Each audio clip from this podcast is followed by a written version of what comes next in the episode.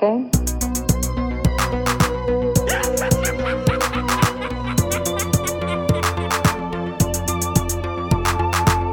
Hello, Hal, do you read me? Do you read me, Hal? Affirmative day. I read you. De eerste Gremlins Strike Back Summer Special van 2018 galmt op dit moment in jullie oren. Voor trouwe luisteraars is het misschien wat vreemd om eh, mijn stem te horen, want normaal gezien is het eerste beurt als fan en eh, sluit Bart het rijtje af op het einde van de zomer. Maar het is dus dit jaar iets wat anders gelopen. Sven die eh, loopt momenteel volledig besmeurd rond in een duikboot en Bart die bevindt zich in een ander land. Ook mijn special die zit wat anders in elkaar, aangezien ik de voorbije twee jaar normaal gezien gewoon op mijn eentje iets in elkaar bokste. Maar deze keer dus niet, eh, want voor het komende anderhalf uur of zoiets kunnen jullie luisteren naar een gesprek dat ik had met een Canadees. Een Canadees die ik ben beginnen volgen toen ik pakweg 16 jaar was, dus dat is ondertussen 17 jaar geleden, omdat hij de oprichter is van een horror-website waar ik volledig wild van was, namelijk Arrow in the Head. Zijn naam is John Fallon, ging iets wat tegen zijn zin aan de slag als movie critic, maar Arrow in the Head bleek al snel een gigantisch succes en bestaat vandaag de dag nog steeds. Um, nu weliswaar met een veel uitgebreider team dan in die uh, begindagen. Uh, John is verder een acteur, had rolletjes in Alone in the Dark, uh, Saw 2 en 100 Feet en nog veel meer, maar daar hoor je straks veel meer over. En is ondertussen ook een producer en heeft als regisseur al een kortfilm en langspeler op de teller staan. Het interview is vanzelfsprekend volledig in het Engels en ik hoop dat dat weinig problemen met zich mee zal brengen voor jullie. Uh, de opname zelf werd voor hem om 10 uur s ochtends buiten opgenomen, vandaar uh, dat je af en toe de Canadese vogeltjes hoort fluiten, terwijl het hier 4 uur s middags en snikheet was in mijn bureau. Na het interview kom ik nog even terug voor een kleine outro, maar ik hoop alvast dat jullie nu kunnen genieten van dit gesprek.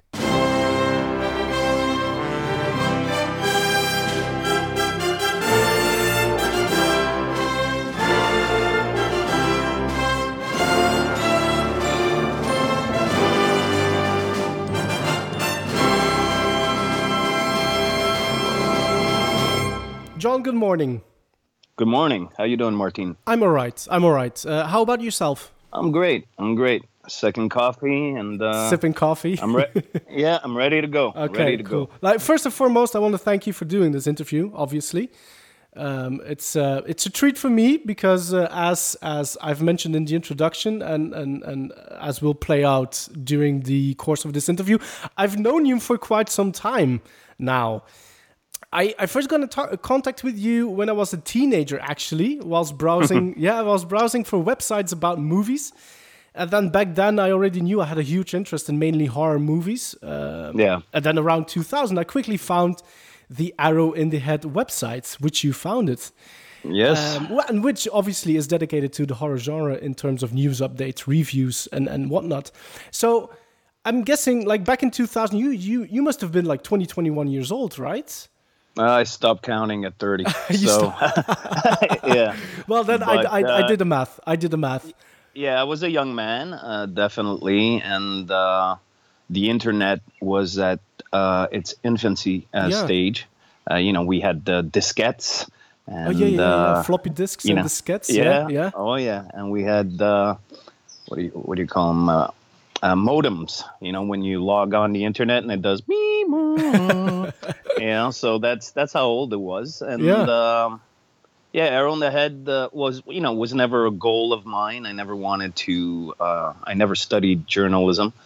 Um, never wanted to review movies or anything. Okay. But, uh, I, I, was more, you know, I came out of acting. I went to film school first, then acting school, mm-hmm. and uh, at the time of Arrow in the Head, I think I just started auditioning, and I was also working as a script doctor at the same time for uh, local production companies. And my good friend uh, Berge Garabedian, who is actually Dutch, even though oh, he's really? Ar- okay. Armenian, but uh, his family fled uh, Armenia during the uh, genocide, and uh, they relocated into. Um, Amsterdam. Oh, the and, okay. Uh, so he's from the Netherlands. Okay, wow. Yeah. Exactly. So uh, he has, uh, yeah, he has Dutch uh, citizenship and everything. So uh, yeah, I'm getting sidetracked. Give me a second. So um, so yeah, so out of the blue, uh, he had started JoBlo.com in 1998, and out of the blue, he sent me an email and basically said, um, "You know about all that horror stuff. um, why won't you uh, start a section on, on my site just dedicated for to that?" And uh, at the time, you know, society was different, wasn't as politically correct as we are now. I'll, I'll get I'll get back to that. I'll get back to that. Yeah, I'm sure you will. Yeah. I'm sure you will. So I told them, I said, sure, and why not? Because I figured it'll keep my writing fresh, Yeah. and uh, I really didn't think anything of it. I didn't think it would go anywhere or anything. I just do it for fun. So I said, yeah, sure, we'll call it Arrow in the Head because my nickname back then was the Arrow because I'm a to the point kind of guy, Okay. and uh, don't censor me. And that was it. So he said, okay, do whatever you want. So then I, ju- I did just that. But you guys were friends, or did he like? Yes. Okay, you guys were friends. Yeah, yeah, we were friends, so he knew me very well. Yeah. He knew my personality, which was very. I had a very big personality, and I was very um, well to the point. and uh, he knew that at that time I was like a hardcore uh, horror fan, Yeah. and I knew everything about horror. So um, that's why he tossed it my way. I did it, and uh, long story short, within I would say about three months or four months of doing it, uh, the response that I got, I realized I'm like, oh, okay. It was This huge, is- wasn't it? It This was is huge. yeah, yeah, yeah. This is uh, well, we were one of the first, one of the pioneers of the whole movie website thing. So I'm like, okay, this is going to be a bigger animal than I thought it was Yeah. going to be. I can actually, I can actually remember only one other website, but it wasn't really a website dedicated to to reviews as as such. I I don't know. Have you? Do you recall a website called the Infinite Coolness website? No, I do not. Actually, don't- I, remember there was Diabolical Dominion at the time. True. Yeah, that that that, that does ring a bell. Yeah. Yeah. I remember that because I had asked them to link me in their link section, and they said no. And I wrote them down. I, I have a, a thing I call my shit list. So I wrote them down. there. Yeah, I'm like, okay, at some point they will need my help, and I will say no. And actually, that's what happened. Oh, really? yeah, they came back to me because then I got bigger than them, and they came back to me asking for some support. And I said, favor, no, yeah. I can't can't do it. Sorry, man. And they that that site is closed off now. It's But, not but it's anymore. actually, but it's actually cool to know because I thought you had, you must have had some interest in, in like being a critic, being a movie critic, reviewing zero, zero. So that's that's that's zero. actually um, uh, surprising information to me. But you said you were born a horror aficionado back then already. Um, so were there specific movies that like wowed you during your childhood, or what were the first titles or directors that really drew your attention to the movie business, and then as uh, to to horror, uh, specifically to horror? Yeah, no, I started off um, mostly with action. So the the movies that got me, I had um, a very difficult childhood and uh, didn't really have a uh, a father figure that was present. So I gravitated towards uh, you know Stallone and Schwarzenegger, and for for me personally, uh, Stallone. You know, Rocky and Yeah. First Blood, Rambo, uh, Over the Top, everything actually he did, and his way of life, training, and it doesn't matter where you come from. If you give everything you got, you could succeed. That whole mental attitude that he had, I gravitated towards that and just basically tried.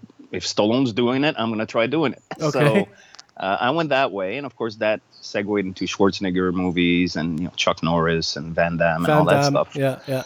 But in terms of horror, um, it was the taboo factor because uh, my parents wouldn't let me watch horror movies. And the first horror movie that I watched was uh, The Evil Dead, the, the original Sam Raimi Yeah, uh, yeah, film. yeah, yeah, yeah. And it scared the bejesus out of me.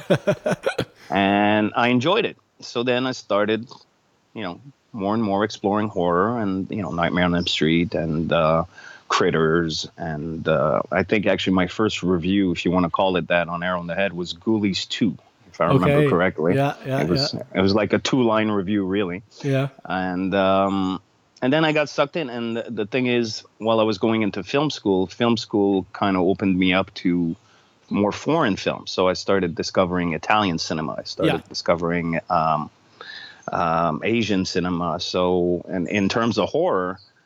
Uh, the landscape is is endless. Yeah, I mean, yeah, yeah, for so sure. so much great foreign horror So uh, so then yeah, I became hooked. What hooked me um, specifically to to Arrow in the Head was was actually the way you wrote your reviews. I mean, you had the occasional, well, occasional, you had the curse words in there, and and specifically the way you recapped then your reviews in segments at the end, such as the amount of Yeah. gore and the nudity and the trivia you added.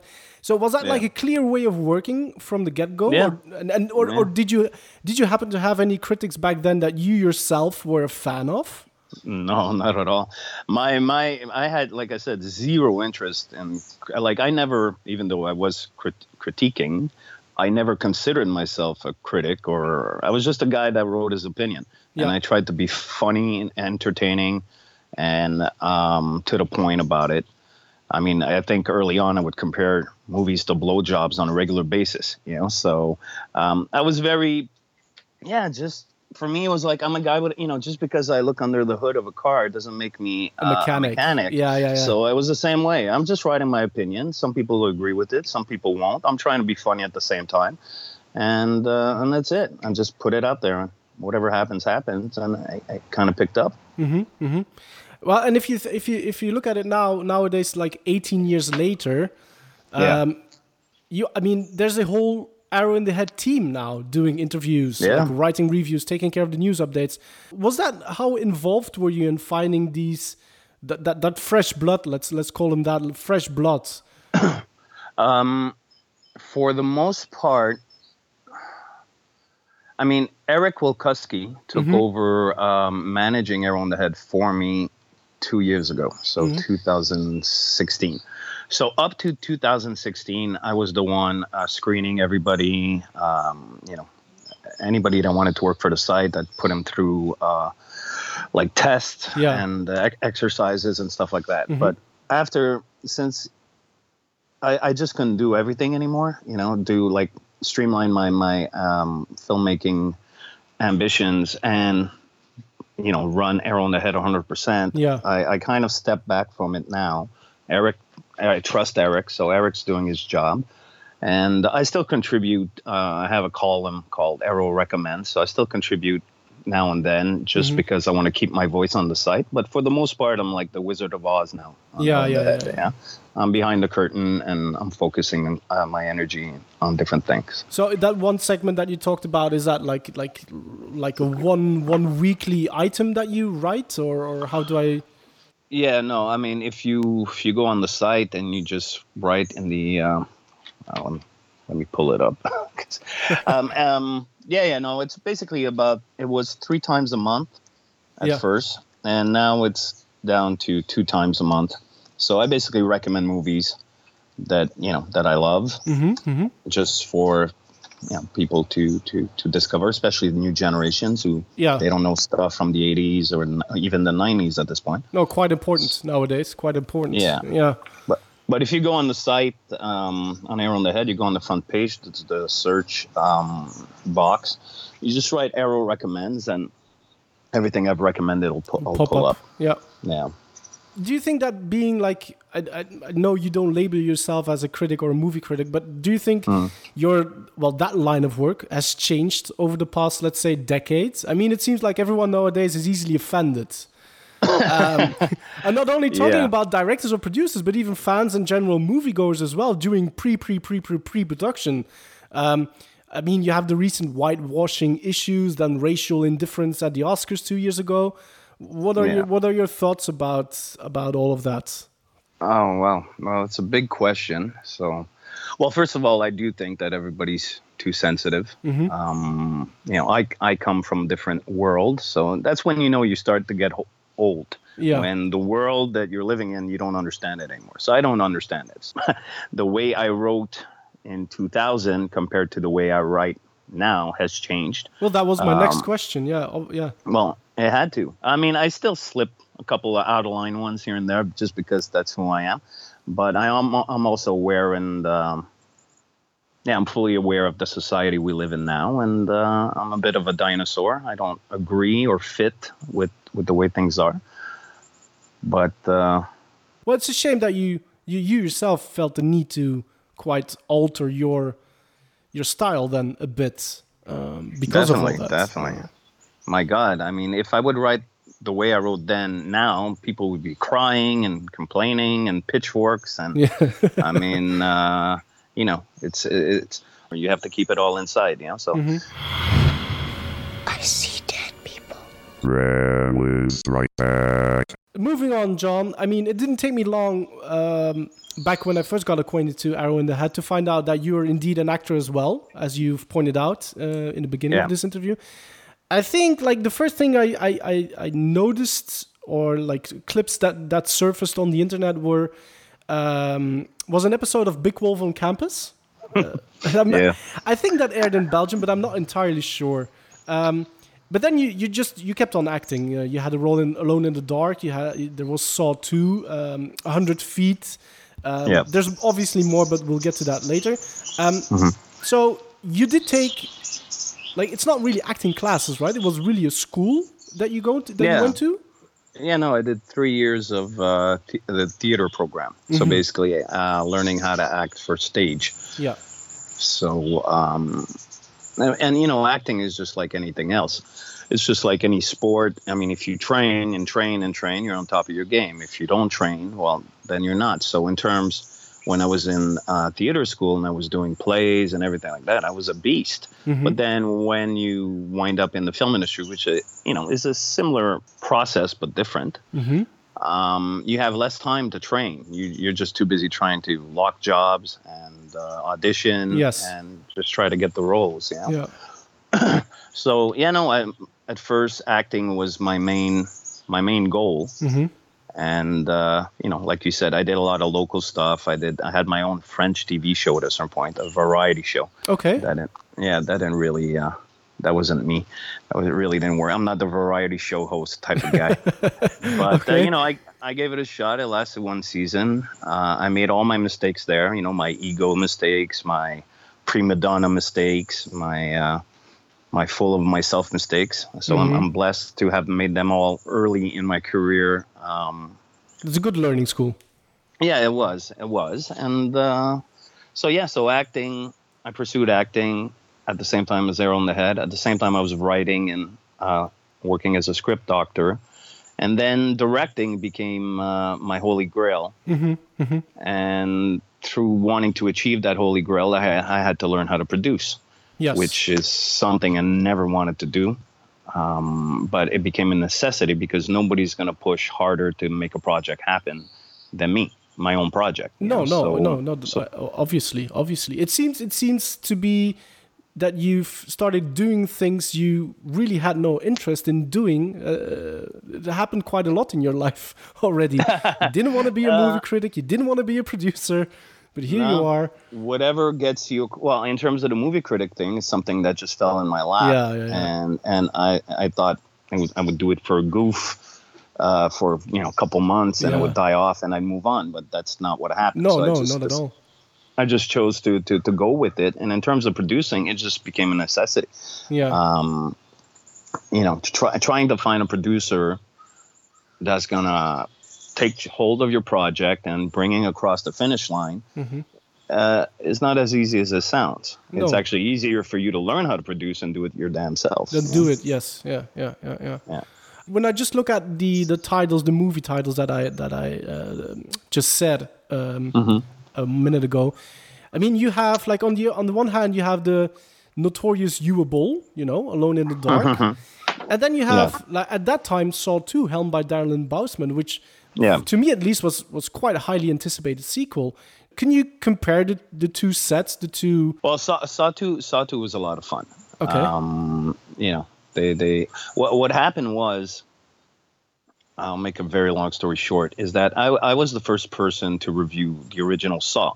Okay, Okay, they had sent me a VHS of it, and I reviewed it, and um, the film wound up being a success. And Lionsgates at the time uh, attributed some of its success to the exposure I gave it, which, between you and me and everybody that's listening, I, I never thought that was really accurate. I mean, I mean, uh, you know, maybe I had a very tiny part into it, but they, you know, for them, they didn't really understand the internet at that point. they didn't, they didn't really know like who are these guys. It was a bit like the Wild West, so Yeah. they didn't really know how much our opinions uh, weighed into Mattered, box yeah. o- box office. Yeah. Yeah. Well, So it what- didn't. so it didn't hurt the movie. It didn't hurt the movie. No, no, it didn't. So basically, they thought, shit, okay, he reviewed it, and he's the arrow, and I was known as a personality at that point online. Let's do something even better. Let's put him in the second one. Oh wow.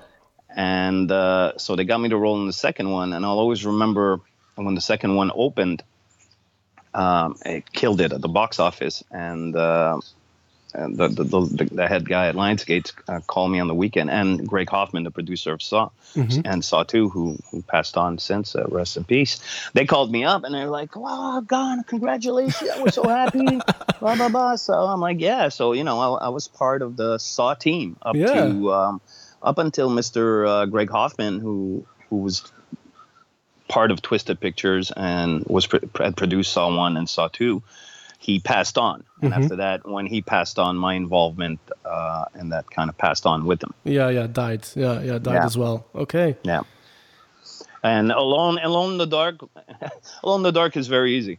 Uh, I showed up. My dialogue was many pages of techno babble, Yeah. and You played Agent Agent Yonek. Yeah, Yeah, yeah. yeah. So I showed up on set, and uh, Uwe didn't like my dialogue. So he's like, "This is shite. This is shite. This is shite." and um, they rewrote my dialogue on the spot, which was more techno babble. And they said, "You have five minutes to learn it." And I'm like, "There's no fucking way I could learn this," but I tried. And then we did takes, and you know, I, I didn't know the lines. So then they gave me, um, they glued my lines on the computer screens everywhere so that I could read them. So that didn't work out. so basically, that's why now, if you look at the movie, um, what's left of my role, I think, is one line. Yeah, it was- and was slim, One was off, slim. Yeah, yeah, one off-screen kill, and that's because, uh, yeah, that's because the, the the script was was not liked, and then it was altered, and I did not have any time whatsoever to learn it. But I'll always remember um, Stephen Dorff, who I was doing the scene with. Mm-hmm. He was very, uh, very supportive and very accommodating in terms of my situation. Okay, I'll always okay. remember that. Yeah, he was a cool guy. So you do have like positive uh, memories. Uh, Oh yeah, no, it, w- it was fun. I mean, look, I mean, um, a film shoot is a film shoot. You know, it's a film shoot is obstacles and finding solutions. So I don't take it to heart like what happened on Alone in the Dark. It's not like, oh God, that sucked. No, that's just that's just how it is. You roll True. with it, you make the best of it, and you move on. And you know, there's a couple of things on Saw two as well. You know, that happened, and you roll with it, and you adapt, you adjust, and you move on. It's just how it is. how it is. hmm Yeah. Um, let's talk a bit about 100 Feet then, which is for me the perfect bridge to talk Yeah. about the next subject of this interview. Um, that movie was directed by um, a guy called Eric Red, um, which has been a friend of yours for years and years, right? Yeah, definitely. Um, you played the role of Jimmy. Again, a bit some sort of police IT guy, if I'm not mistaken. You were in charge of Yeah. setting up the, the, the electronics, right, for Famke Janssen's um, ankle bracelet. Yeah. Yeah, Um, I'm ba- I'm basically I call it uh, Captain Exposition. Captain- I yes. yeah, I come in to um, establish the rules of the movie. Yes, That's basically it. yes, Yeah. yes, yes, yes. For me, I mean, for me, it was actually the first time I really saw you act. To, to give it, I mean, it's it's it's not the right term, but you know, your roles. No, I know what you mean. I mean, I your got roles more than in one both- line. Yeah. exactly. You had quite quite a lot of lines in in hundred Yeah. feet, um, and all in one go almost. yeah. I mean, if we do have listeners who don't know who Eric Red is, um, to me at least, he's a pretty big deal, especially for 80s and 90s movie lovers. Uh, do you want to do the honors, John? Um, list some of the movies Of he course. either directed or uh, wrote, and or wrote. I have to say. Of course. I mean, Eric Red wrote uh, The Hitcher. He Mm-hmm. wrote Near Dark. He wrote and directed um, Body Parts, Bad Moon. Um, what's the one he did in? Uh, Cohen and Tate was that? Did he Co- write Cohen that? and Tate. That, Yeah. Mm-hmm. yeah. yeah, He wrote and directed Cohen and Tate. That was his first film as a director. Mm-hmm. And uh, there was the other one with Lou Diamond Phillips, and the name. Was that te- made for television? Was that a right now. television movie? Yeah, yeah. I wound up on HBO. Yeah, Yeah, yeah. I can't recall Yeah, the title yeah. of that neither. yeah. It was pretty good actually. Mm-hmm. And that's some nice uh, Peckinpah Oh, fights. um, yeah. influence yeah, in it. And they had Charles Dance, who's a great actor in Yeah, it yeah, too, yeah, for and sure. Mia Sara. Um, Undertow. Undertow. Yes, yes. Yeah, yeah. But and, but besides uh, being a director and a, and, and a screenwriter, he's a novelist as well. I think he pub- he's published uh, six books by now.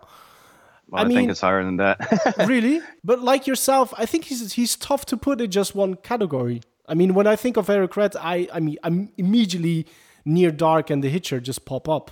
Um, yeah. but is there something to you that he like really excels at? If you have to like pick one category, Oh well, I think he's probably the best writer uh, I've ever met, and uh, I've learned a lot from him. Um, you know, we're friends. Um, I, I think we get along because we're we're a bit similar in the sense that we're a bit outside the box type of people, where we're we're not like um I don't even know how to say it. Maybe we're not in crowd guys. We're our own guys. I don't Yeah. know.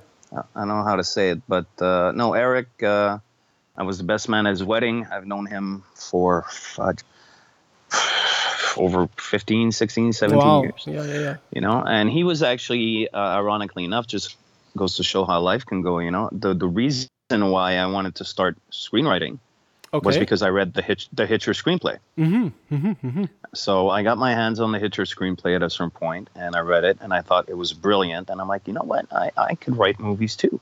So um, I started using it as inspiration, just to how to write. And when I started uh, Arrow on the Head, what it did is it gave me access to all these celebrities and all these uh, you know people that I, I grew up with. It gave me access to them. So one, the first person that I uh, interviewed was Eric Red, and uh, and that's how So- your friendship came about. yeah, yeah. Oh, so we okay. met. Yeah, we met, and uh, I went to. Uh, I interviewed him on the phone. It was a three-hour conversation, and we really hit it off. And then when I wound up in LA, we met in person, and you know had a couple drinks and cigars when Eric used to drink and smoke, Mm-hmm. and uh, just hit it off. And then we started trying to get projects off the ground together, Mhm. and uh, you know he's been v- instrumental in uh, my own evolution uh, as a writer and even as a director. He was uh, he was a lot of help uh, with the shelter, which you know I'll talk about later on. Yes, yes, exactly. Yeah. Enjoy the fresh air. It's the last time you'll get to. You're now under house arrest, and you'll remain in these premises for the duration of your entire sentence.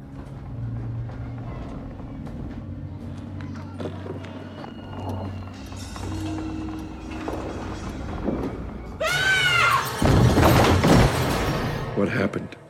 You wouldn't believe me. Try me. Mike did this to me. Only Mike's dead. Well, he's taking the news badly. I guess living in a house where you killed your husband must be tough on anyone, huh?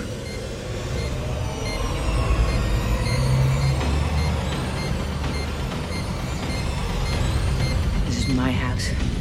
And I'm not leaving, you hear me?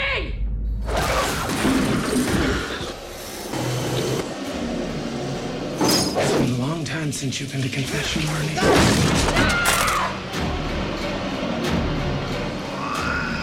What do you want? I know I committed a terrible crime, but I'm not a murderer. I'm not. Gremlins Strike Back. Which leads me, which leads me to, to the next like item. I, I've called it John the director, as Yeah. as the previous one was John the actor. Um, Yeah. So back in 2008, um, you released the the Red Hours, which was a Yes. 10 minute uh, short you wrote and directed Yeah. yourself. Uh, can you tell us what, what it was about and, and, and what the inspiration was to write that particular particular story? Sure. Um, well, the Red Hours started off as a feature, and this and it was also instrumental in my education about the film business. So uh, I, I had it with a local production company as a feature, and then I learned the hard way how the film business is filled with crooks, liars, false promises, uh, bullshit altogether. So I learned I learned it the hard way through that, and finally, after, if I remember correctly, three years of working on it with that company, um, it fell apart, of course. and but it always bothered me because I, I, I like to finish what I start. I'm just kind of like obsessive that way. Mm-hmm. So I'm like, you know what? I'm gonna write a short version of it, and I'm just gonna do it as a short film, and I'll move on. Yeah. So and and that's what I did. And at that time, this is a long time ago. Keep in mind, you know, I was big into um, the rave scene, so I Mhm. was really big into that. Although in the short film, you don't really get that uh, the rave scene itself. It's more like a a bar. Yeah. But in the in the feature script, it was uh, a rave, and uh, which I also wound up writing in this other film called Trance, but that's another thing. Yeah. Um, and uh, yeah, no, and personally, on a personal level, at that time, I got really. Um, am I allowed to swear on your show? Oh, yeah, but by all means. Yeah, I, I got uh, really fucked over a lot by women at that time. Okay. Like really uh, big time. Uh, one after another, just ripping my heart out Mhm. and betrayals and stuff like that. So it was kind of like inspired by that as well. Um, that emotion of of of um, yeah, just being fucked over. Yeah, hence hence the, Yeah. the, the, the synopsis of the movie about a, a couple, right? A couple who's Yeah. that is in well dire straits, I guess. Um, Yeah, exactly. Where the guy is betrayed and uh, he basically takes a drug and goes on to this uh, drug trip where basically these women are trying to kill him. And then when he comes out of it, well, I won't ruin the ending.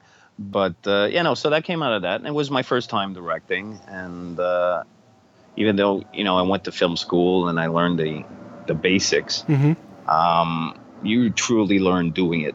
So um, I realized I didn't know what the bleep I was doing, but you know I pulled it off. I had a good team. Uh, I had good and how people did, around how me. so how how did it become easier for you to like I mean trimming it down like story wise trimming a story down from a feature film uh, to short that that must have been quite difficult already to do.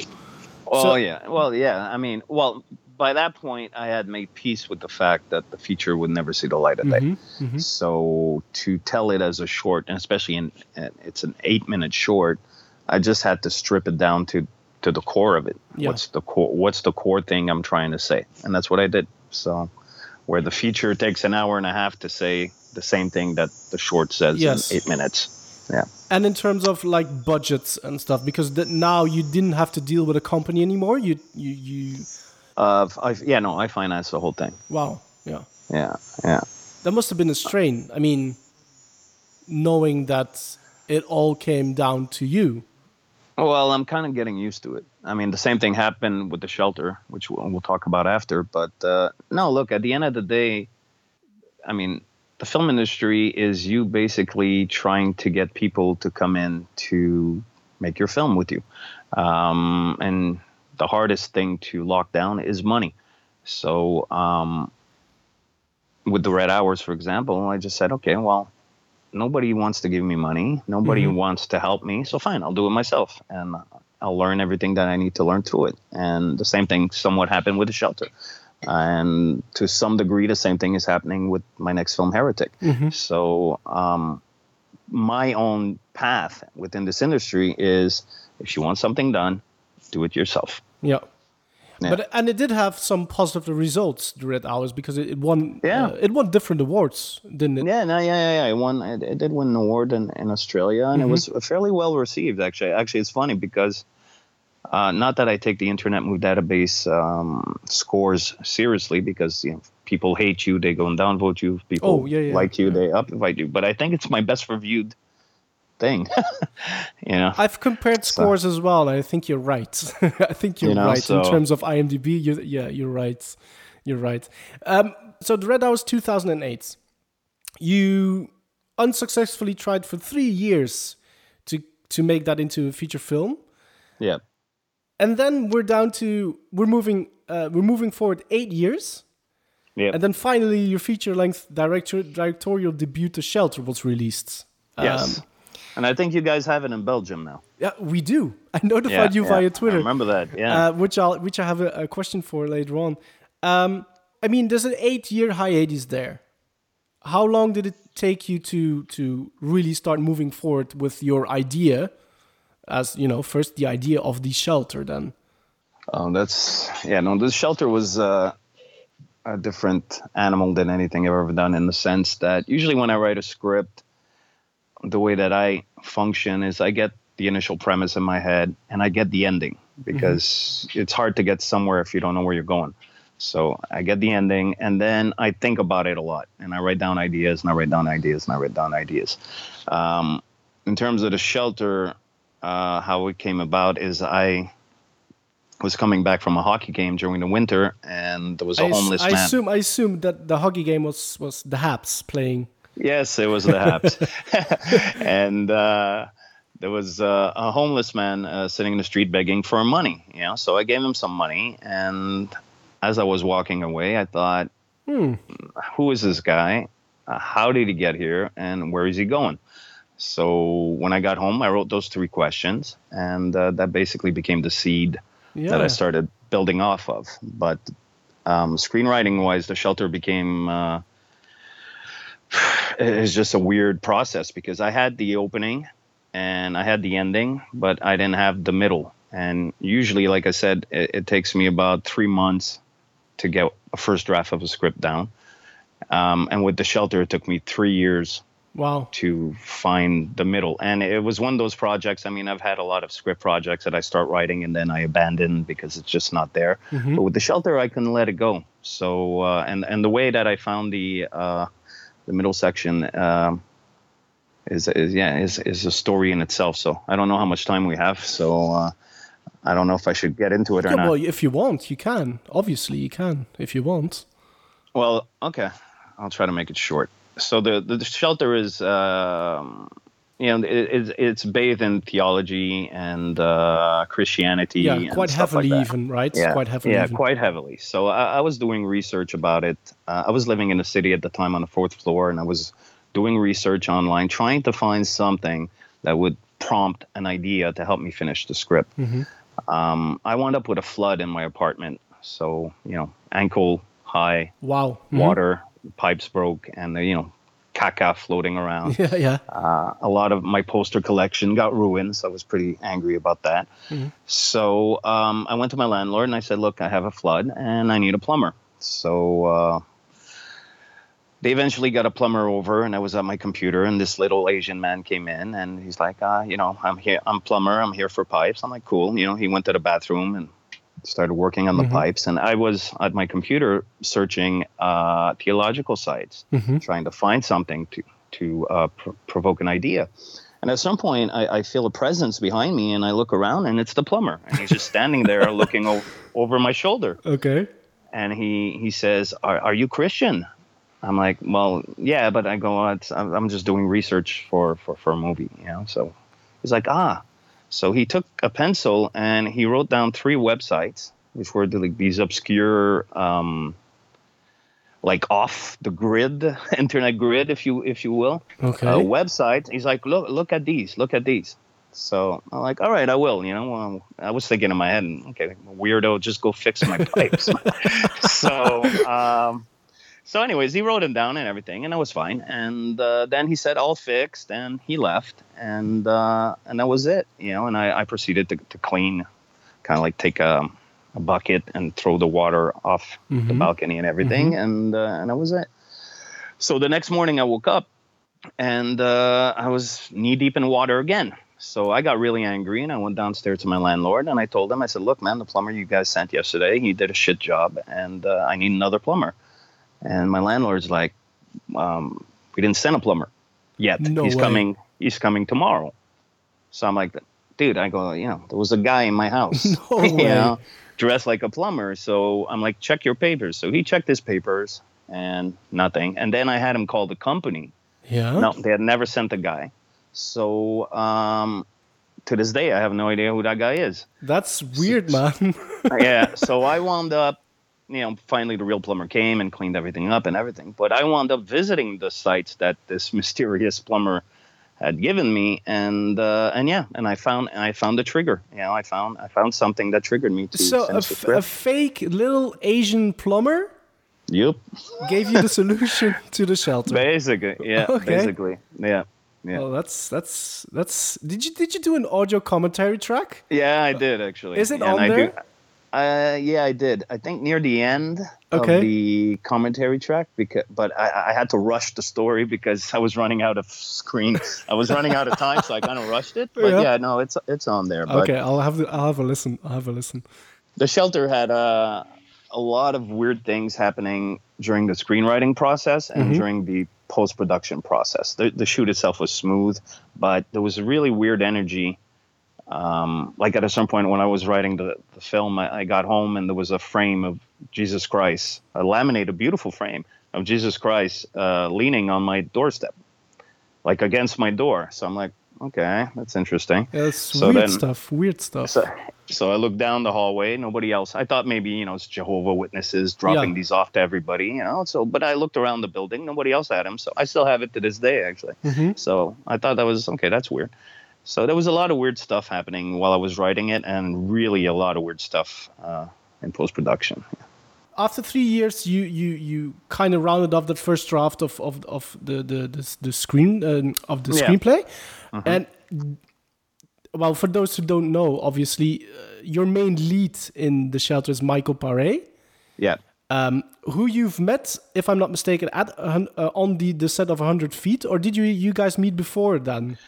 Uh, we we met before, I think, at the American Film Market, and I met him on 100 Feet. And while I was writing the shelter, it's funny because when I was writing the shelter, being that I met Mike, that's who I had in my head. Yes, exactly. did you did you yeah. write that, that that character with him in mind? Yes, I did, but Okay. I didn't think I didn't think we'd get him. Yes. So because it was you know going to be a low budget movie, and um, and by the time I got a producer involved, uh, Donnie Broussard, Mm-hmm. you know, I kept I kept telling him, look, I want to find a guy like Michael Pare. I want to find a guy like Michael Pare, and and he told me he's like, well, you know Michael Pare, why don't you just send him the script? And I'm like, nah, he's not going to do it. It's too small for him. He, he won't do it. And uh, but you know, I finally sent him the script, and Mike loved it, and uh, he wanted to do to do it. So. Mm-hmm, mm-hmm.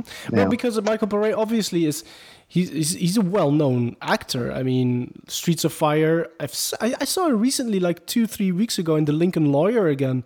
Yeah, uh, with yeah. Matthew McConaughey. But I mean, he has a quite an extensive. Um, Oh yeah, that Uh, guy I- works a lot. yeah, exactly. Um, I think he's he's most famous for his his like 80s 90s again. Yeah, Um, yeah. But still, he's still going strong, Michael Paré. So yeah, no, he is. So And, were you the delighted shelter- and, and, and that he said yes to, to the script? Of course, of course. and did he do so immediately? Yeah. Wow. Yeah. Yeah, yeah, yeah, pretty much. Yeah, I mean, and you know, and I understood the appeal from from his point of view. Mhm. I mean, the shelter is almost a, a fully a one man show, Mm-hmm, mm-hmm. so exactly. it's quite it's quite a challenge for an actor. And uh, I was happy that uh, you know when the film came out, the LA Times and a lot of publications recognized. You know, a lot of people say it's one of his best performances. So well, uh, it, it, it certainly is. I think he was Yeah. really strong as as the, the, the lead. I think he was really convincing. Uh, you had a little part in that as well, as a mugger, I guess. yeah, yeah, Yeah. That I called. I I- that's you know that was a cameo, Mhm. but uh, you know it was a part of uh, out of necessity. I Mhm. mean, uh, I know how to fall. I know how to take a punch. Mhm. I know you know without getting hurt. So it was easier for me to do the part than to hire a stuntman. It was Yes. cheaper. I, I didn't pay myself. So uh, actually, little known fact: all the stunts in the movie, uh, I've done them. I'm the Oh. one doing them. Okay, Yeah. so everything that Michael Paré does uh, uh, Is me. Is you? Okay. Like hanging from the window. True. Yeah. Yeah. You know, uh, per, Mike wanted to do it, but I'm like, listen, Mike, if you get hurt, I'm Yeah. fucked. Yeah, if yeah, I get hurt, if I get hurt, I could direct from a wheelchair. I don't Mhm. care. So, uh, so yeah, no. So I, I like me. At some point, Mike tumbles down the stairs. That's me. Wow. Um, so yeah, no. Actually, the crew was impressed because they had never seen the director do the stunts in the movie. How was the collaboration during the shoots between you and Michael Paré? I mean, he Beautiful. seems like a very nice guy.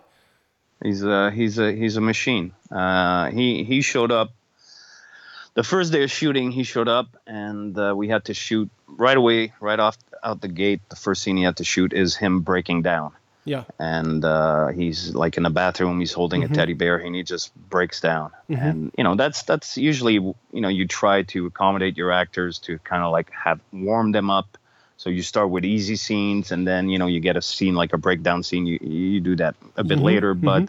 the way we had it scheduled, and we're on the tight budget, we can afford that. So, but Mike showed up and uh, basically blew everybody away with his performance. And it was actually, at the end of the day, a, a good thing to happen because it set the bar high for everybody. So everybody on set, after they saw how great Michael was, realized, okay, Let's step up the game. Let's do this. yeah, yeah, yeah, we got to we got to go all out here Mhm. because even though it's a low budget, this this has the potential to be a class. So. How many Yeah. how many shooting days did you have in total for the shelter? Um, I had it budgeted at uh, scheduled at 15, but I brought it in at 40. Okay. Okay. So it was, you know, it was. I mean, the beauty about the way the shelter went down was probably the most effortless shoot I've ever been on. So, and that was nice because it was my shoot. Mm-hmm. Um, is I just worked really well with the the um, Hallbrook Multimedia. They're they're the basically my DP was part of Hall, Hallbrook Multimedia. His, Mhm. his crew. He had a crew that he worked with for like forever. So everybody was in sync, well-oiled machine. Michael, uh, you know, is basically and when more often than none, I take two or three takes tops Mm-hmm. to, to, to get the performance. So we moved fast. Uh, every time there was an obstacle, you know, we'd adjust and, and just move forward. So no, it was it was fantastic. Was this was the shelter the first? Because I mean, I've had this at, at as our next next segment, but Mhm. was the shelter the first uh, movie that was led by your own production company, Bruce Productions? Uh, I think so. I had another one before called Billy Trigger, Mm-hmm.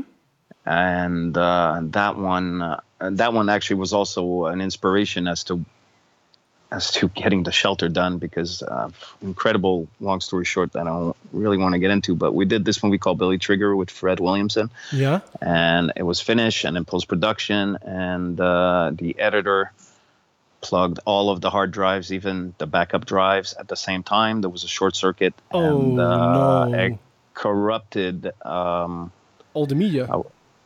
pretty much all of it. I think there's about thirty-five percent of it that that is workable with, and then I spent uh, years trying to uh, recover the footage, trying to fix it, but it didn't work out.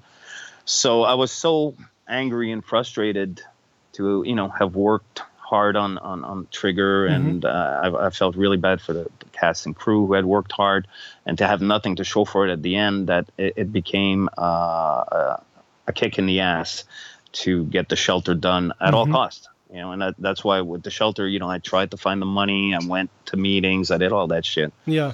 But at the end of the day, it became either I finance the whole thing or I don't do the movie.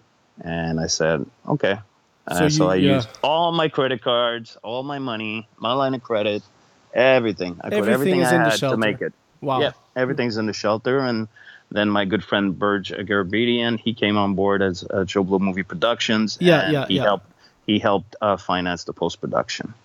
Do you think you've you've learned a lot? I mean, whatever happened to you in terms of of getting the red hours financed, doing it yourself, how how how valuable is that knowledge when moving forward and then delving into the shelter, for instance? Um, no, very valuable, and not only what happened on the Red Hours, but every set I've been on and every experience that I've had.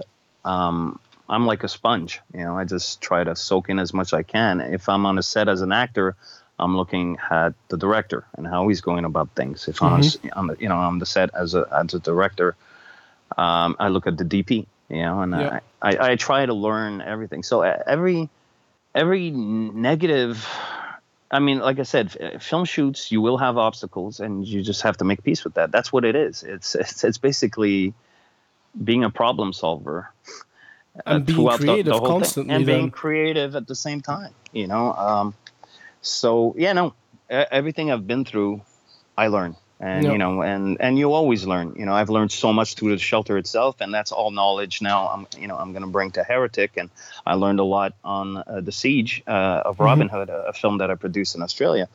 Um, everything, everything.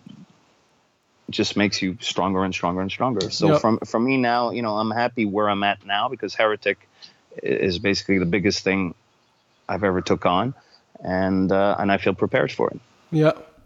Can I can I ask you how um, how difficult it is going through like like three years of, of, of writing the screenplay, then you, you go into pre-production, you production, post-production, everything is finished. You you print your movie on a DVD, and then how difficult is it to like partially let go of the movie and and just hoping and praying that it finds an audience? Um, it's no, it's not difficult. You see, the good thing that happened with Arrow in the Head Mm-hmm. is that on a daily basis, I would have people emailing me to tell me how much I should kill myself. Okay. And at the same time, I would get email from people telling me how great I was. Mm-hmm. And, you know, and at first, yeah. Or, you know, uh, when Internet Movie Database had message boards, uh, you know, there'd be threads about uh, me and how much of a piece of shit I am. Oh, really? And- okay. Oh yeah, of course, you know. And so at first, it yeah, it affected me. You know, uh, you wake up in the morning and people you don't even know are talking to about about, about you uh, in a negative way. Mm-hmm. Uh, it would affect me, and or vice versa. People are talking about you, then it would you know stroke your ego. But then that's just something. I was blessed to go through that with arrow in the head. Kind of like learn that you know what at the end of the day, not it's nice. I get a lot of positive uh, email and I have a lot of support Mm-hmm. uh, from people who follow my career, and I appreciate it every day. And the negative stuff, it doesn't even phase me. It doesn't. It doesn't do anything to me anymore, and that's because they are on the head. So um, I'm very uh, blessed to have that. So when the shelter came out, um, you know, I have about on the on the shelter website, I think 43 positive reviews Okay. and at the same time on the internet move database it has a three point something rating you know Yeah, yeah. it's Um, it's it's it's very low to say the least. Yes. yeah, Yeah. so um but does does it bother me?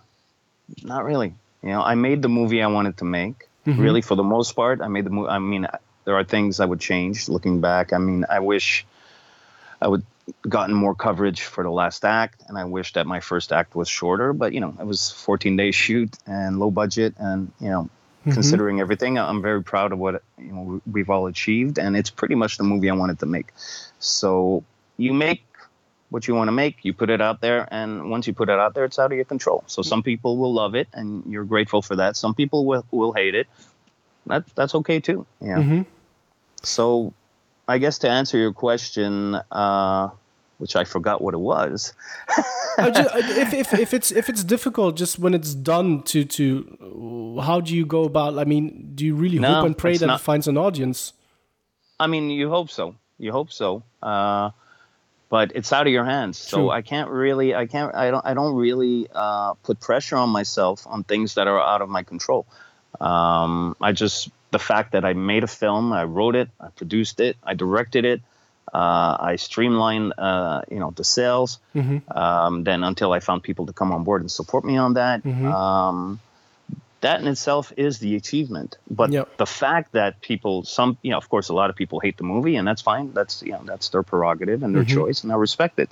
But a lot of people love it, and it's the first and so far the only project that I've done where I've had people email me or PM me to say, you know, I was an, uh, an alcoholic and you know i really related to this and it made me reflect on my own life Wow. or um, you know i'm i'm i'm i was a christian and uh, i let go of my faith but your film has inspired me to go go back and re-embrace it um, when i premiered it at FrightFest Mm-hmm. um, I was outside after the premiere, and this girl came up to me uh, crying, and she's like, "Are you John Fallon?" I'm like, "Yeah," and I'm like, and she just hugged me, and she's like, "Thank you for for the movie. Thank you.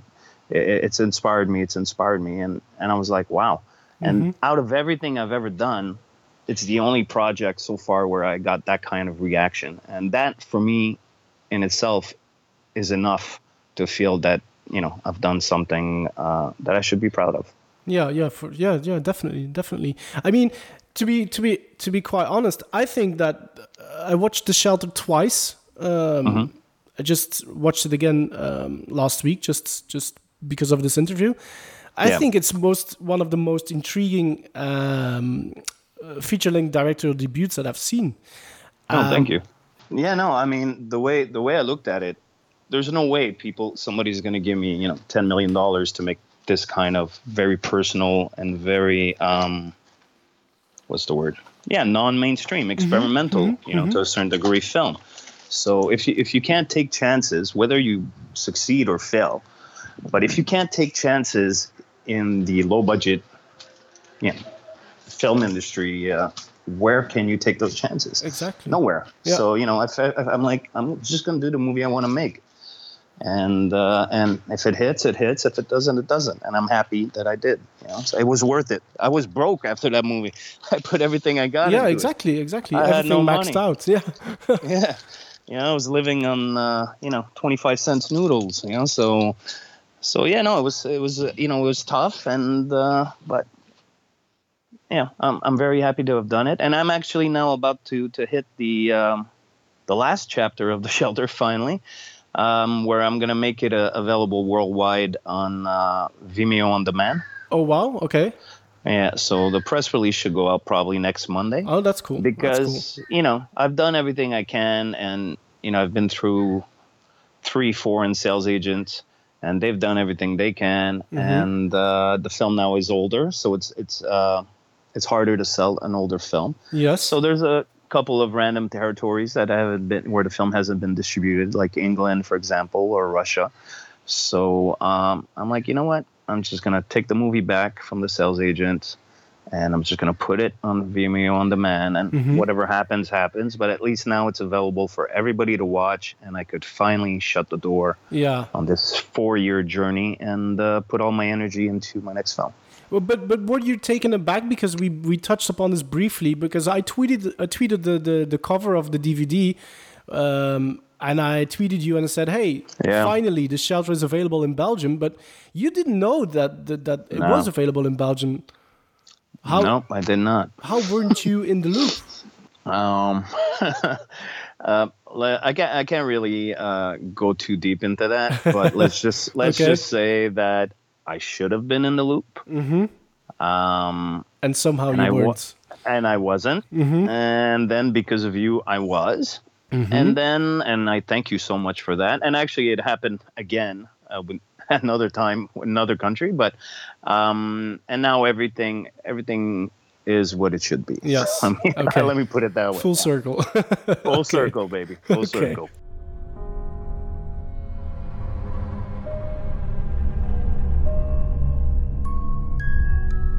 Once was a man who had it all. And then he lost it. The end.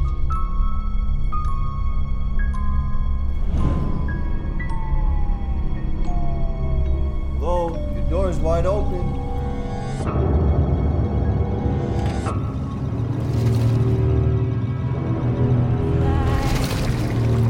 I know someone's here.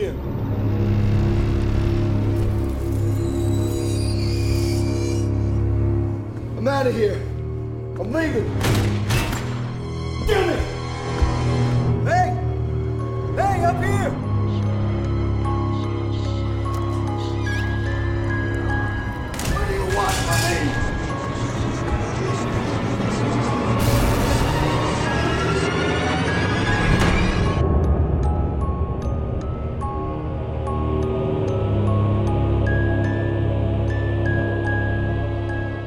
Gremlins Strike Back. We've we've briefly mentioned uh, Bruce Productions Inc. Your Yes, own production yes. company. I Yes, think sir. I think this is the time for you to really just go for it, John. Just just tell us what you're doing uh, in terms of acting, what movies you're acting, co-producing, producing, directing. What's what's in store for the future for uh, John Fallon? Uh, well, you know, Bruce Production basically was just a company I did to uh, do Billy Trigger, and then you know that tank. Then it became um, the driving force be- behind the shelter. And like I said, I never wanted to be a producer, but it seems that I'm starting to get really good at it. and uh, so I guess I got to follow that. Mm-hmm. So um, after that, I uh, wound up being one of the producers on a film called The Siege of Robin Hood, Mm-hmm. um, which we shot in Australia. It's an action film, a medieval get action its, film. its release this year still. Oh, we're in post production right now. Okay. So um, I'm thinking. No, I'm thinking it'll be released next year, Next year, yeah. even late late next year, because you know it's one thing to put a movie together and everything, Mhm. and after that I want to do the festival circuits with it, Yes. and then after that comes the wonderful world of sales. Mhm. So, um, so I think late next year is when that, that one should be at least acquired by a distributor after Yes, doing a yes. festival run, and then most likely then being released the year right after. So Mhm. 2020, if I go by the usual structure. So I'm doing that right now. hmm Um, we're presently shooting a short uh, action film called The Proposal, um, starring Mark Natoli, who Mhm. I met on the Siege of Robin Hood, and we became really close. And um, now we work together more often. He's actually one of the producers on my on Heretic, my next film, which I'll Oh, talk okay. about in a second. Okay, yeah. But um I'm not big on short films because there's, I mean, it's a great way to um, learn the ropes and you know flex your your filmmaking muscles and everything. hmm But uh, but there's no way to make money off them. There's no way to recoup you know um, your expenses off them because there's no market for short films. No, no. But I make an I made an, an exception on that one because um, I really believe in uh, Mark Natoli. He asked me to write the script. I wrote the script, and I, I and I think it's a great script and so has a potential. It was, it was his idea, and you wrote the script Yeah. based on his idea. That's it. Yeah. Okay. It was his his basic like one line storyline. You know, Mhm. guy does this, that happens, guy does that, Mhm. and I wrote the script, and um, he he got together a really uh, grade A team um, of um, you know a, great DP, a great producer uh, to to help out on set, and and just get the whole thing together. A great director. Mhm. So um, my plan with that one, well, our plan with that one is um, basically make the most badass short film that we can, do the festival rounds with it, and uh, I personally think it has uh, feature film potential.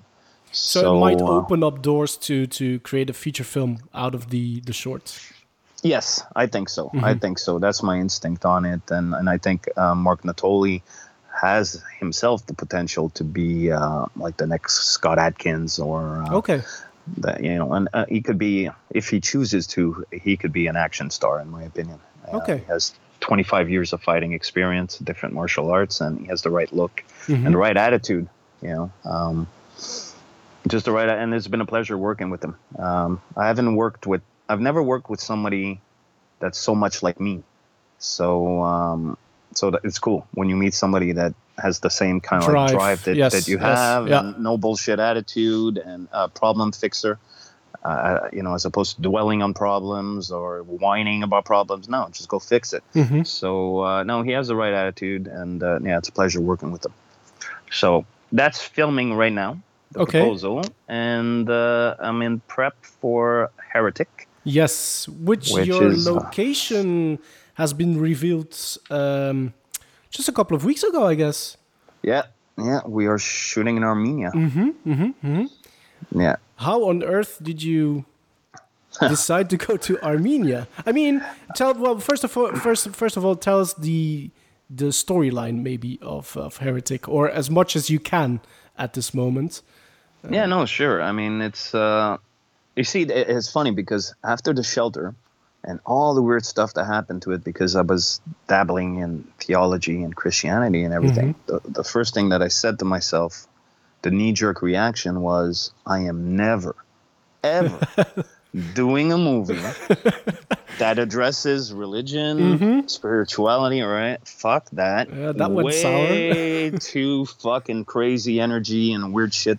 It's not worth it. And Mhm. then you know, as time went on, I mean, the, making the change, the, the the shelter and everything that I went through uh, spiritually changed me as a human being. Um, so even though my knee jerk reaction was, I don't want to do any movies like that. Now it's almost like it's hard for me to do movies without addressing it. Mm-hmm. So that's where I'm at. So Heretic uh, came, started off as a short that I was um, going to direct just to direct while I wait for my other features to come together. And it got such a great reception, the short, like at the script stage, Okay. that um, it was actually the, my, my lead, uh, Paul Sloan, Mhm. who's a, an action star.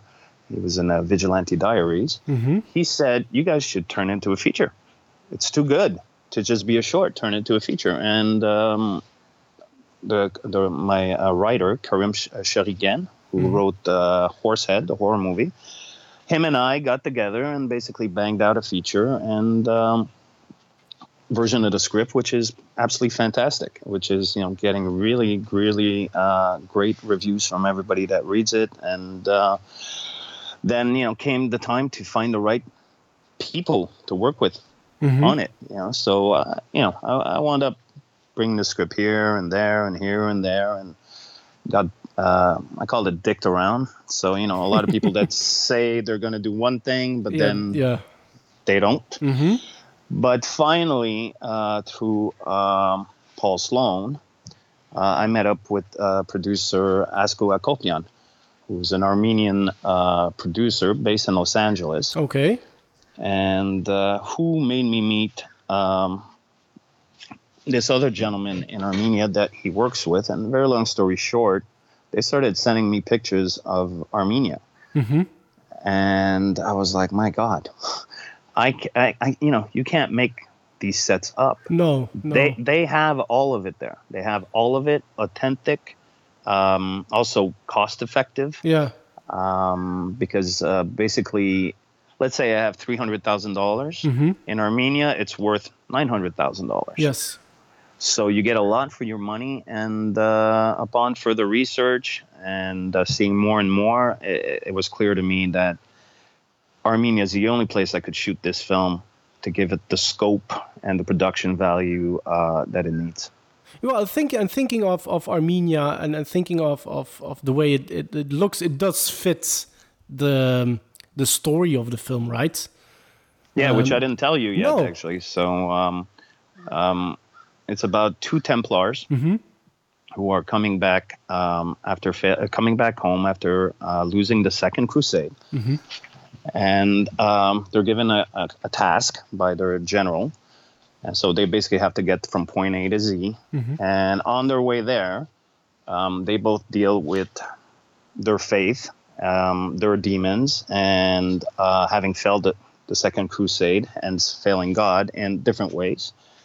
So there's a divide that grows between the two, uh, which comes to a head. hmm And at the same time, they encounter varied obstacles, and they were being chased by a mysterious assassin who has an agenda of his own. So it's, um, I call it a "Get My Cake and Eat It Too" movie because it's it's it's it's character driven. It's Mhm. very character driven. Uh, it has a lot to say. It's very socially relevant today, to, in terms of um, it's not about religion. It's about how people uh, deal with religion. So you know, you, you're extremists Yes. you're hypoc- you're hypocrites. Mhm.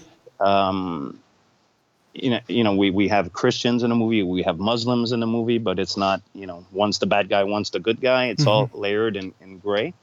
So on one end, it's a character study, it's a character piece, but Mhm. on the other hand, it has a fuckload of action, and um, it's very bold and very. Um, yeah, it's it's not politically correct, and um, so it's it's from- it's the, the, the, the arrow from 2000s who's written well, it, a new yeah. movie.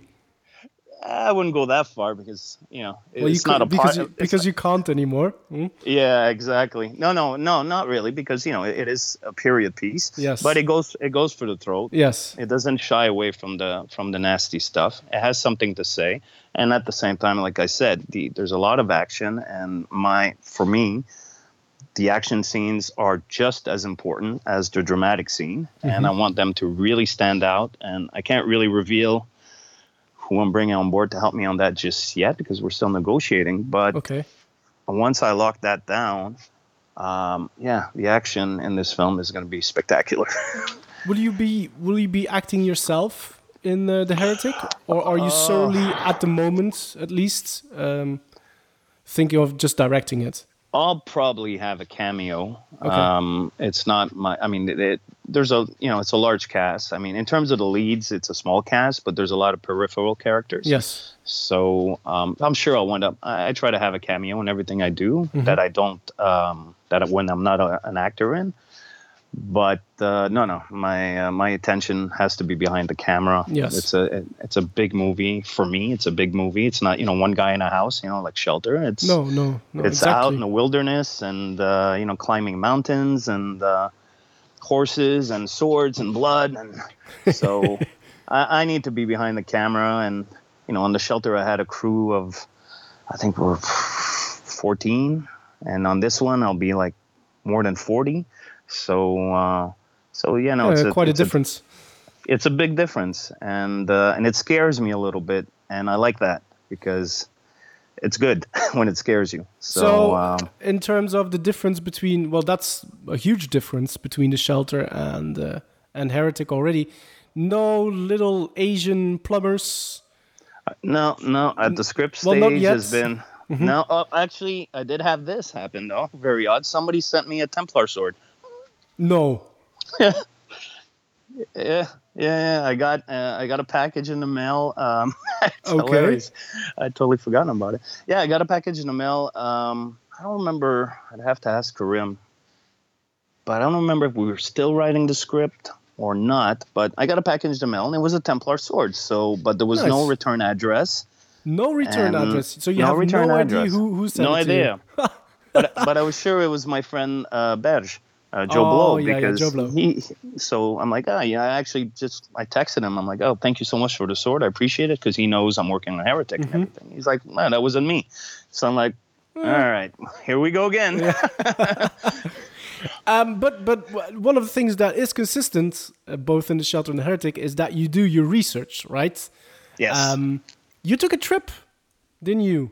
Um, I mean, I follow your Instagram for quite some time now, and Yeah. all of the sudden I saw uh, shitloads of pictures from churches. Yep. And to my astonishment, to, my astonishment, one of them, one of those pictures was taken in Belgium. Yeah. In yeah, I was in- Bruges. in- I was in Bruges. Yeah. So Yeah. were you specifically in Belgium to do research? No, actually, uh, it's funny because I have been, uh, you know, I've been to Rome. I've been really like on this whole, not so much so for heretic, just in general. I've been kind of like just fascinated with theology and Christianity. So it's become uh, a hobby. Okay. Almost, you know, where I travel to Rome and different countries, and even I have another trip lined up where I'm going to wind up in Portugal and see, you know, old um, Templar, uh, you know, churches, old Templar commanderies. Okay. Um, but no, we I, went- I went to Amsterdam with uh, JoBlo, Mm-hmm. And then we took a couple days in Bruges, and it was a complete accident, and where there was a remnants of, of Templar activity there. Okay. And I was like, holy shit, that's so awesome. What a coincidence. So yeah, I- I went to that church like two, three times. Okay. So uh, so it was great. Yeah, no, I'm I'm very big. It's it's cool because my hobby, which is you know exploring history and Christianity and Mhm. theology, is parallel with my next film. Yes, is all about that stuff. So it all works out. You know, so I I have fun while researching. hmm Thinking about everything that still needs to be done, obviously, do you have like a like a release date in mind already? No, no, no. No, You can't even. I can't even think that soon. far. Yeah. Right now, right now we're we're shooting to shoot. We're shooting to shoot. Yeah, you could say that. We're shooting to shoot uh, in February of next year. Okay, that's, So, that's yeah, well, that's that's in the very near future already.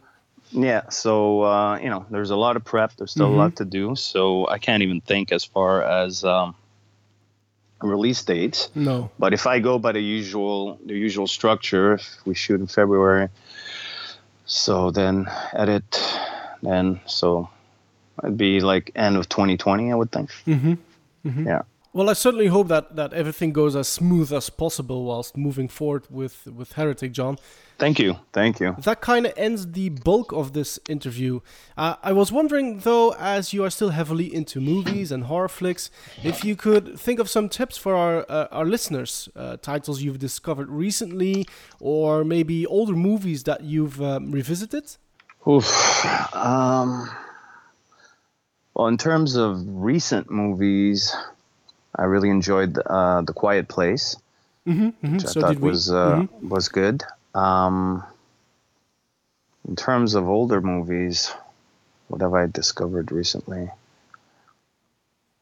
Chuck Norris doesn't count. well, he always Um, counts a bit. He always counts. He is Chuck Norris at the end of the day. Um, well, I've been going back these days to um, 90s thrillers, and uh, one movie that I had forgotten just how great it was was uh, Internal Affairs. Okay, which with more, Harrison more Ford, of a right? thriller. No, with um, Richard Gere and oh, Richard Andy Gere. Garcia. Yes, yes, Richard Gere. Yeah. So I, if people haven't seen it and they're in the mood for something uh, edgy and bold and uh, really brilliant performances, uh, that's definitely a, a must see. hmm Um, Resurrection with Christophe Lambert. You One of you the- you like that one? Yeah, I did. I have, to, I have to say it's way it's been way too long since I've seen it. Um, I can hardly I- remember what it's about even, but I remember that the critiques weren't that great. Uh, Yeah, no, the reviews weren't good at all. Um, I saw it when it was first released, and I enjoyed it. I think it's one of the, of the best um, post seven ripoffs, Okay.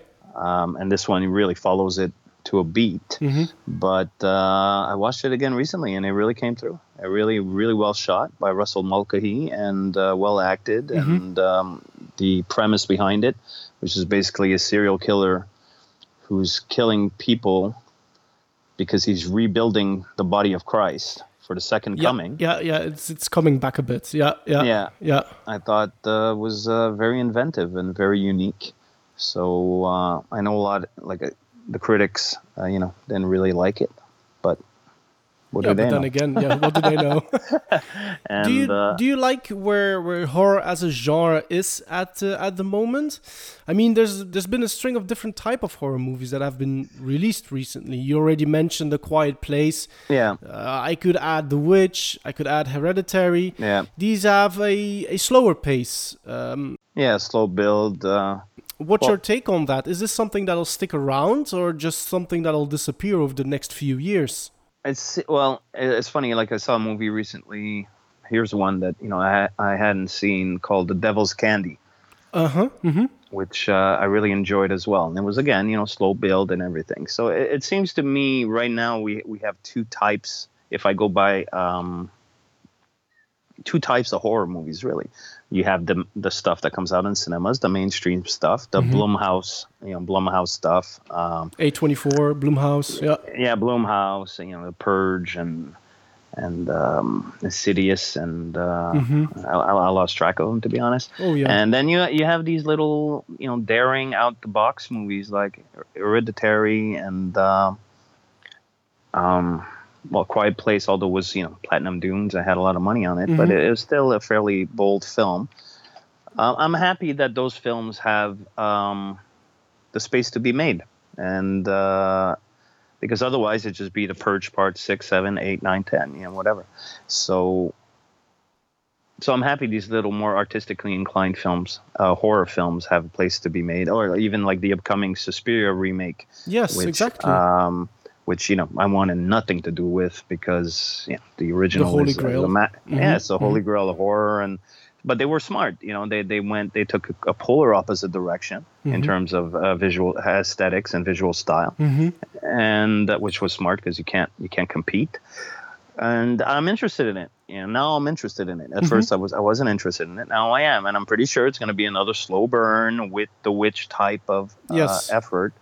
I personally don't mind them. I think they're refreshing hmm when compared to you know Insidious, blah blah blah. Exactly. So so I- I'm okay with it. I'm cool with this new wave of slow burn weird horror movies. Yeah, Uh, and, and I think it's it's a nice change of pace uh, actually that this particular type of movies is getting a uh, mainstream release next to the well let's call it the shitload of horror remakes and reboots which have been made in in well in high quantities. Yeah. Well, it's all about money at the end of the day, you know. So you know they make money, They get do. more of them. So you know The Witch, you know, made money, and uh, Quiet Place definitely made money, Absolutely. and Hereditary I don't think cost that much, so I think it made money. So as long as they keep money and there's a market for it, they'll keep making them. So I'm Mhm. happy because personally. Um, like I lost track of Insidious. Uh, I think I saw I saw the first one, which I really loved. I saw the second one, which I didn't care for. Well, I really didn't like Insidious 2, uh, to be honest. Yeah. Uh, which was kind of quite a surprise to me because uh, I liked the first one. I thought it was a really good movie. and especially because it was a James Wan movie, Did the sequel, uh, Yeah. which which I'm a fan of. Yeah, James Wan is, uh, you know, he's very talented. Yeah, so then there was three, and I think there was a four as well, which I didn't bother. And the same thing with the Purge movies. You know, I saw one, I saw two, and then I stopped there. I just, I just don't care. Also, you know, I'm getting older, so and I've seen so many movies. Yeah, So I'm more selective as to what I want to watch. a bit more picky. yeah. Yeah, and don't get me wrong, I like my McDonald's movies. You know, Mhm. so I, I like you know like I saw Rampage with The Rock and Mhm. had a blast. You know, and I'll go see uh, Jurassic World, I think it's called now. Yeah, Fallen, Jurassic Can- World. Fallen Kingdom. hmm Yeah, I'll go check that out too. You know, and have a good time, hopefully. But uh, in terms of the horror horror genre, I'm uh, I'm very picky now what I watch because I've been watching horror nonstop for 18 years. True. Yeah. Yeah. So you overdose at a certain point, Mhm, you know. mhm. So Well, you take a Chuck Nor- hiatus. Yeah, I, I can imagine you take a hiatus from from time to time. It's funny because you know people tell me, John, you know, you're known as the horror guy. You're the arrow, and your first film is a weird existential, uh, spiritual film. Why don't you do a straight horror movie? You'd kill it. Well, would that would that be? Is that in the cards? Would you would you contemplate on doing a horror movie? Yeah, no, I would love to actually. I would love to, but it all boils down to the right script, Mhm. and um, I haven't found it yet. And unfortunately, now I don't really have time to write anymore. Mhm. Um, you know, I'm too busy trying to produce, you know, with Heretic, and uh, I have another female vigilante film called Eva that I'm trying to get off the ground as well. Mhm, mhm. Um, I'm just too busy to be able to sit down and enjoy the uh, purity and Yes. simpleness of the writing process. Yes. So, but you know, I'm opening myself up to screenplays from the outside. So if I come upon one, a horror one that is, wow, I got to do this. Well, Mhm. then I will do it because I, I would love to do a, a straight horror movie. Okay. Okay. Yeah. Well, then on a on a personal note, what can I wish you in the near future, John? The next decade, for instance. Um, obviously, I wish you all the success in regards to Heretic and the Siege of Robin Hood and the proposal. Thank you. But what's next? Um, any acting ambitions?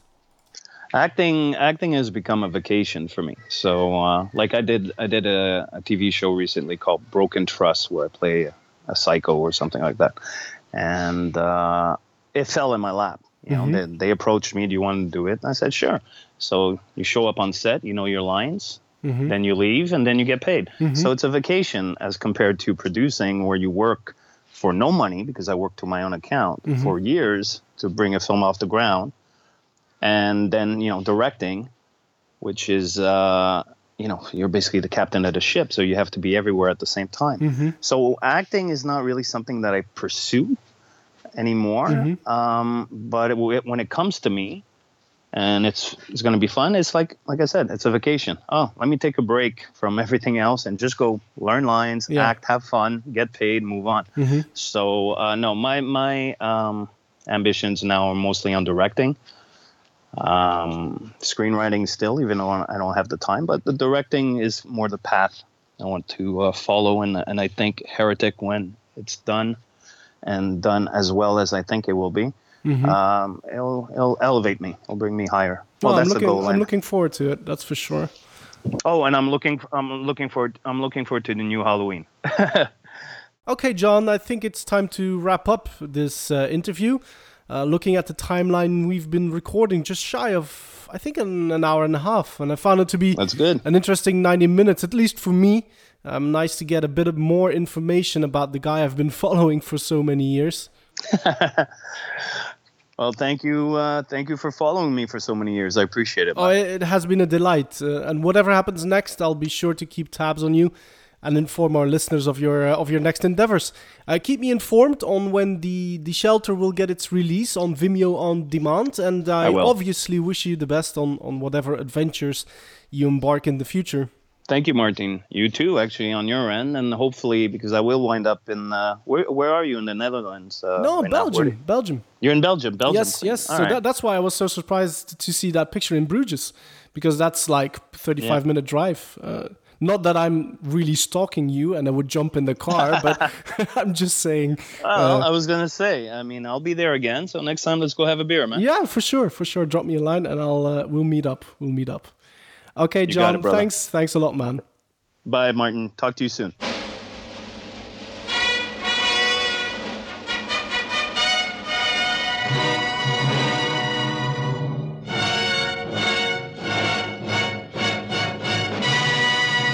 Summer Special 1 zit erop. Als mijn twee co-hosts geen al te grote technische problemen hebben, dan komt de tweede online op 9 augustus en de laatste op 23 augustus. Uh, voor meer info kan je natuurlijk terecht op onze social media kanalen. We hebben Letterboxd, Twitter, Instagram en Facebook. Uh, we hebben ook gemerkt dat een aantal luisteraars hun Gremlins Strike Back t-shirt of t-shirts hebben ontvangen. Bedankt om die op jullie social media kanalen te zwieren en op die manier ook wat reclame voor onze podcast te maken.